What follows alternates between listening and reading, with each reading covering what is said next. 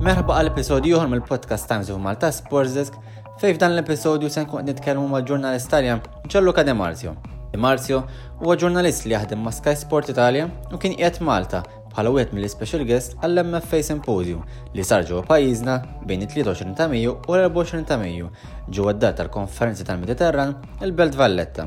Aħna ma' Marzio tkellimna dwar il-karriera ġurnalistika tiegħu kif ukoll dwar l-aħħar aħbarijiet mid-dinja ta' transfers Nħeġukom biex tiqpaw magħna u għalla minuta li ġejjin tisamu din l-intervista tant interessanti ma' wieħed mill-listi ġurnalisti famużi fid-dinja tal-esports.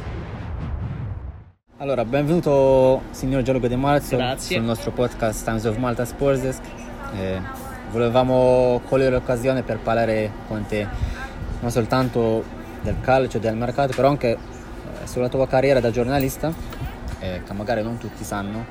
Quindi per iniziare vorrei chiederti eh, come sei entrato in questo mondo.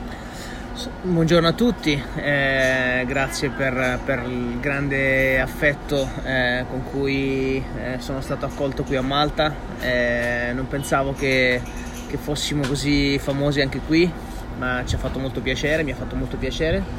E, mm, eh, sono, sono nato col pallone eh, perché mio, mio padre è stato un allenatore di calcio, eh, anche a livelli molto importanti perché ha allenato in Serie A, ha allenato il Napoli, il Genoa, il Palermo, il Catania. E, mm, quindi mi ha trasmesso lui la, la passione per il calcio. Non, non ero un buon giocatore, non sapevo giocare, non so giocare tanto bene, e quindi ho avuto la consapevolezza del mio limite, eh, perché molti magari figli di allenatori pensano a giocare anche se non sono buoni, io invece ho capito subito che non potevo giocare, eh, che non ero in grado, e, e invece fin da piccolo mi divertivo a fare eh, i commenti delle partite, le telecronache con, con i Big Jim, eh, col Subuteo, eh, mi, mi divertivo a parlare di calcio e non a giocarlo. E, e mi divertivo a seguire mio padre, quindi andavo con lui nelle partite, negli spogliatoi, eh, nei ritiri, nei pullman delle- del- con le sue squadre. E, e quindi tutto è nato così spontaneamente. Quando avevo 20 anni, mentre studiavo per diventare avvocato, per fare giurisprudenza, poi ho finito comunque la laurea, quindi sono comunque laureato in giurisprudenza. Nel frattempo ho iniziato a lavorare con qualche giornale locale, qualche televisione locale a Padova, nel Veneto, dove vivevo insieme ai miei, ai miei genitori, perché mio padre ha allenato anche il Padova, è stato anche dirigente del Padova in quel periodo. E ho cominciato quindi così a livello locale, in alcune televisioni locali. Eh, evidentemente ero abbastanza bravo e piano piano eh, il mio nome, le mie, le mie attività sono arrivate eh, agli occhi e alle orecchie di, di- prima di Telepiù, poi di Stream, eh, poi Telepiù e Stream si sono fuse, di- sono diventate Sky e mi sono trasferito quindi a Milano nel 2004 ho cominciato a lavorare per Sky nel 2004 e mi hanno dopo poco, prima facevo soltanto il commentatore, telecronache, eh, conducevo il news, telegiornali, poi è nato questo, questo fenomeno del calciomercato, abbiamo iniziato a fare un programma, due programmi e poi è diventata un'abitudine ormai fissa e mi sono specializzato quindi in quello. Mi piace molto, è molto però stressante, però è molto anche divertente, dà grande adrenalina e, e quindi da, da- ormai da, da 15 anni sono, sono- sono a Sky, ho fatto centinaia di, di programmi, di, di telecronache, di inviato mondiali, champions, finali, ho fatto un po' di tutto. E mi sento insomma, orgoglioso di quello che ho fatto e di quello che spero di fare ancora. E fortunato per aver raggiunto questo livello grazie sicuramente anche a, al- a- a quello che mio padre mi ha insegnato e anche al cognome che porto perché sicuramente in Italia essere comunque il figlio di un allenatore famoso mi ha aperto tante strade anche nel- nei contatti con le persone del mondo del calcio che mi guardano con rispetto perché sanno che sono il figlio di uno di loro, cioè di una persona che è stata all'interno del mondo del calcio. Sicuramente il mondo del giornalismo è cambiato eh, durante il tuo, eh, il tuo tempo, eh, sia come scrivere sul calcio, però anche come raccontare il calcio, il calciomercato. Non so, magari puoi eh, spiegare una differenza molto particolare da quando hai iniziato ad oggi? Beh, eh, sicuramente prima è cambiato il linguaggio, eh, prima non c'erano i social, eh, prima eh, l'uso dei telefonini sì esisteva ma non era così eh, maniacale come adesso. Eh, quando ho iniziato sicuramente non avevo il telefonino in diretta in mano durante le trasmissioni. Eh, molti lo vedono come, alcuni lo vedono come una, una, mancanza di rispetto, avere un telefonino in diretta, invece non è, non è per fare il fenomeno, è perché veramente capita che, che può arrivare una notizia da una, da una, fonte che guarda che tu sei in televisione e vuole fare vedere a, alla moglie o all'amante o alla fidanzata che ti dà la notizia e dice guarda adesso lui dice quello che dico io e ti manda il messaggio, quindi è successo tante volte. Succede anche proprio nel, nel nell'avere tra di noi in, nella redazione di Sky Sport comunque una nostra chat su Whatsapp, quindi Whatsapp ha cambiato anche il nostro modo di, di fare calciomercato perché eh, se uno del nostro gruppo trova una notizia alle 11 di sera la scrive nella chat chi è in onda in quel momento lì la vede e la dice quindi se, se non ci fosse stato Whatsapp sarebbe stato molto più difficile comunicare tra di noi in tempo reale quindi tutto è diventato molto più veloce molto più rapido e, è chiaro che ci sono anche delle, delle trappole, eh, ci sono anche tante trappole, tante bucce di banana. Eh, come, queste, come, le fake news. Come, Infatti volevo chiedere fake news. quello ha cambiato tanto e sicuramente devo dirti che in, in questa fase del, del, mio, del mio, lavoro è, è diventato proprio il, l'ostacolo più, più difficile. Eh, cercare di convincere le persone che tu stai lavorando per la verità non, non, e, e, e, e, loro invece si, si fidano molto di, di, di, questi account, di persone poco conosciute, amico dell'amico, del fratello, del cugino, di quello che lavora in farmacia, di quello che lavora al panificio, l'idraulico, cioè, e, la gente purtroppo si fida tanto di queste persone che magari su 100 notizie una l'hanno anche vera, eh, però le altre 99 sono tutte inventate, quindi ti crea una difficoltà proprio nel, nel riuscire a, a, verificare, a far capire al, all'utente che tu hai verificato, che tu stai facendo il massimo per dirgli la cosa vera e, e non per dargli una bufala solo per, per illuderlo e farlo sognare in quel momento. Infatti una cosa così magari non so se vi crea un po' di stress nel senso che ovviamente per verificare le notizie e darla eh, per vera sui social non è troppo facile come hai detto tu. No e lo stress è tanto proprio per quello per cercare di, di, di, di trovare sempre il, il, il linguaggio giusto la parola giusta, eh, non farsi prendere ne- dal nervosismo anche quando uno risponde esatto. alle critiche che ci un, sono. Tu sei uno che sui social Io rispondo attivo, tanto, sì, mi sì. piace avere un'interazione perché penso che comunque eh, aver raggiunto un, un, un livello di, di, di numero di, di, follower tanto alto eh, è stato non facile perché ci sono voluti tanti anni però ci vuole poco per, per perderlo questo numero, quindi secondo me per cercare di tenerli sempre con te devi anche farli sentire importanti, devi dargli qualcosa, devi, fare, devi sentire, loro devono sentire che tu sei vicino, no?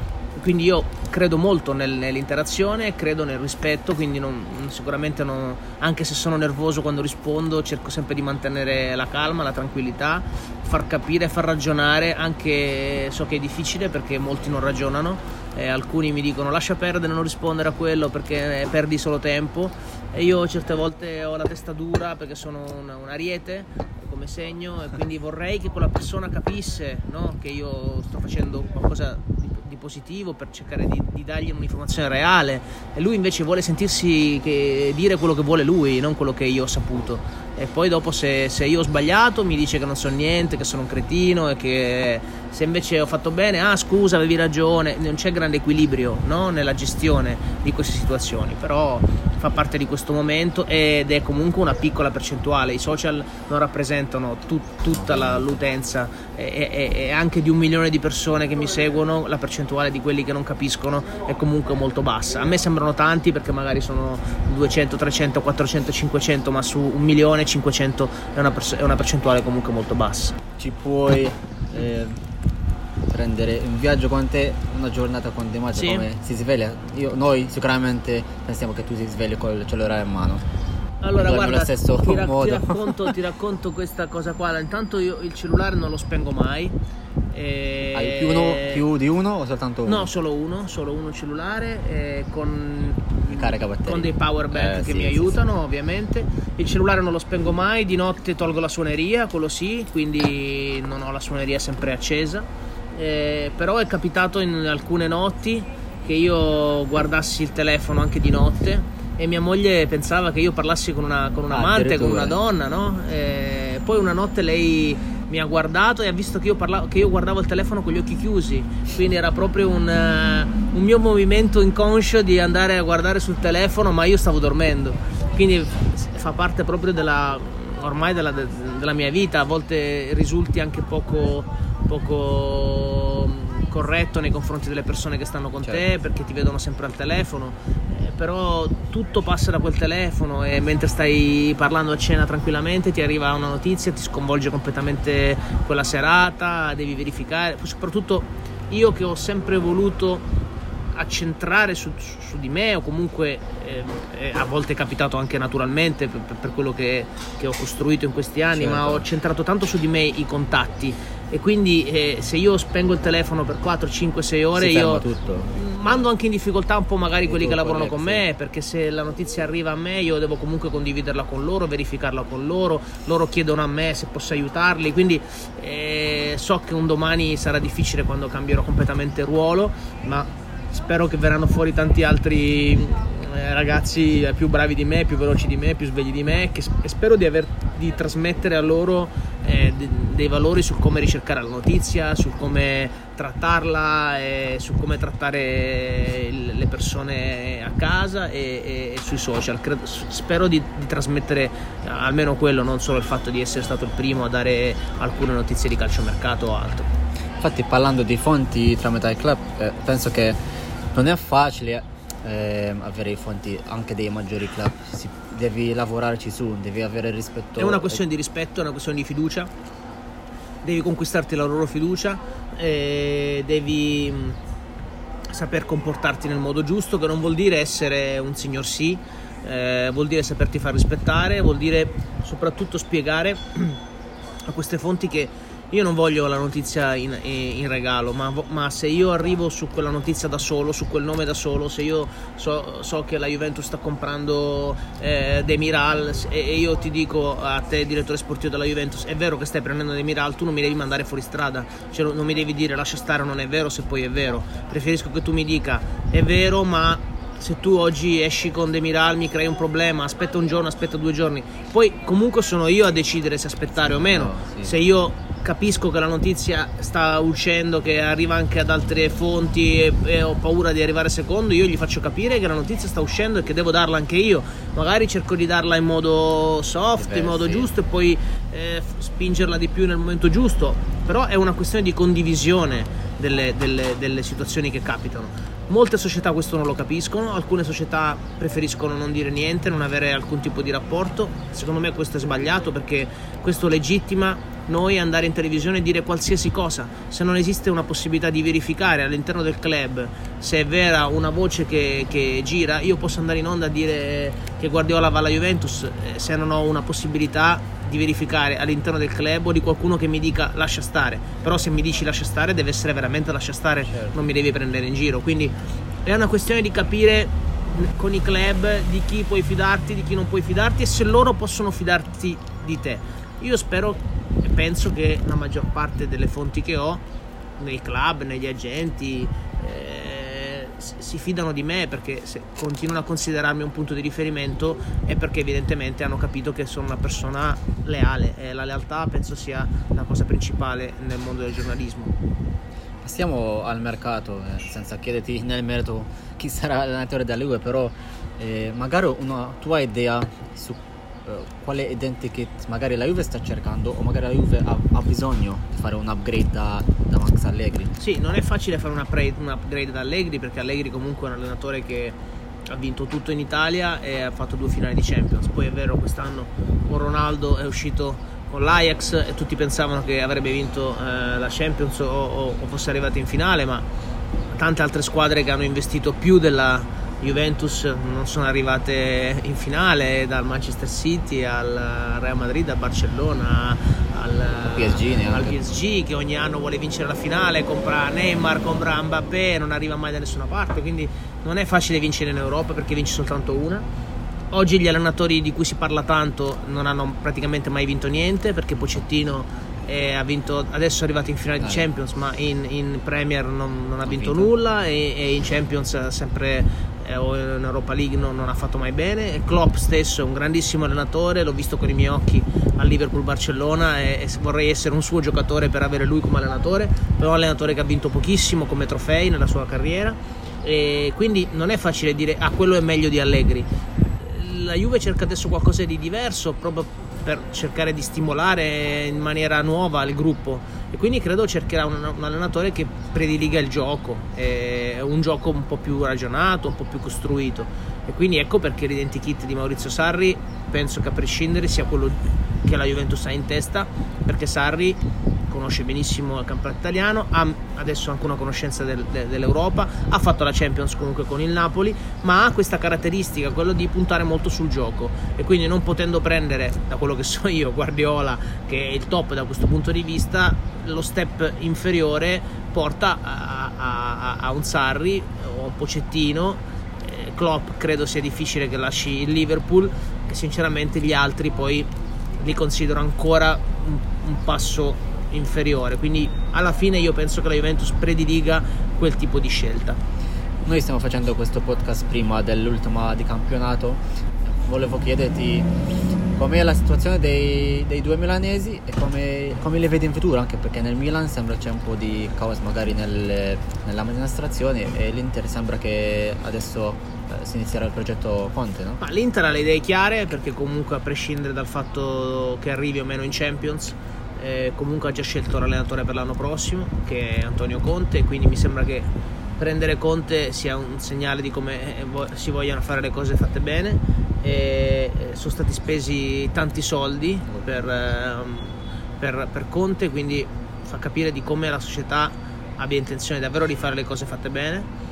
E poi eh, è chiaro che eh, il fair play finanziario esiste sarebbe meglio che esistesse per tutti, non solo per le scuole italiane, però in Italia esiste molto e viene rispettato, deve essere rispettato, quindi non è detto che l'Inter, il Milan, la Roma eh, possano riuscire a fare chissà quali colpi di mercato, dovranno comunque sempre conciliarli con possibili cessioni di altri giocatori. Però sicuramente il peggio penso sia passato per l'Inter dal punto di vista delle difficoltà sul mercato. E per quanto riguarda il Milan è tutto ancora un po' da scoprire. Eh, si pensava che con l'arrivo di Leonardo e Maldini si iniziasse un percorso nuovo che aveva bisogno di tempo per dare continuità e invece Leonardo dovrebbe andare via e arrivare un nuovo direttore sportivo e non si sa l'allenatore se resta o non resta. Quindi è ancora un, un progetto che ha bisogno di mettere dei paletti fissi che sinceramente non so se potrà metterli con una proprietà di un fondo o se invece succederà soltanto quando il fondo venderà ad un vero presidente, un vero proprietario, un vero acquirente. È vero che il fondo sta facendo cose importanti, però è, è sempre un, un, fondo che fa acquisizioni, cessioni di, di, di, di aziende. Quindi l'ideale, dico io, per il Milan sarà un giorno trovare un, un vero acquirente, un unico referente che sceglie le persone, che investe, che decide di fare un grande Milan per il futuro. Finalmente per chiudere volevo chiederti la tua impressione sull'Italia dei Mancini anche in vista degli europei che speriamo per voi che l'Italia si, quali- si qualifica. Peggio di come siamo andati no, non poteva andare. Eh, Mancini è, una, è un allenatore che punta molto sul gioco, sulla valorizzazione dei giovani, e, e l'Italia aveva bisogno eh, di avere una, una, una, figura nuova, nuova nel, nel modo di, di, presentare la squadra. Quindi aver visto così tanti ragazzi debuttare in nazionale è stata una cosa positiva. Poi noi in Italia vogliamo vincere, eh, non vogliamo solo il gioco. Quando vinciamo vogliamo giocare bene, quando giochiamo solo bene vogliamo vincere, non è facile conciliare le due strade e... però penso che Mancini sia in, quest- in questo momento del nostro calcio l'allenatore migliore per poter conciliare le due cose. Quindi credo e spero che questo possa essere l'inizio di, una, di, un nuovo ciclo positivo, non so se vincente, ma sicuramente positivo per il nostro calcio. Ti ringrazio signor De Malzo Grazie a voi ti auguro per, il meglio per, per, per l'estate di, di mercato. Grazie a voi. Kien ħsibijiet tant interessanti minn ta' ġurka De Marzio fejn stajna nkomplu miegħu għal ġurnata u tnejn. Iżda ovvjament kellna nagħlqu sabiex inkomplu l-impenji tagħna ġew l-MFA Symposium. Grazzi ħafna tal-ismajdu din l-intervista u nħedġukom sabiex komplu seguna fuq il-medja soċjali tagħna. Sa nħedġukom ukoll sabiex issibu dawn l-episodju kollha fuq il-pjattaformi favoriti tagħkom, fostom iTunes u Spotify fejn tistgħu tiffollowjawna u anke tiddownloadjaw dawn l-episodju sabiex tisimgħu fil-kumdita tagħkom.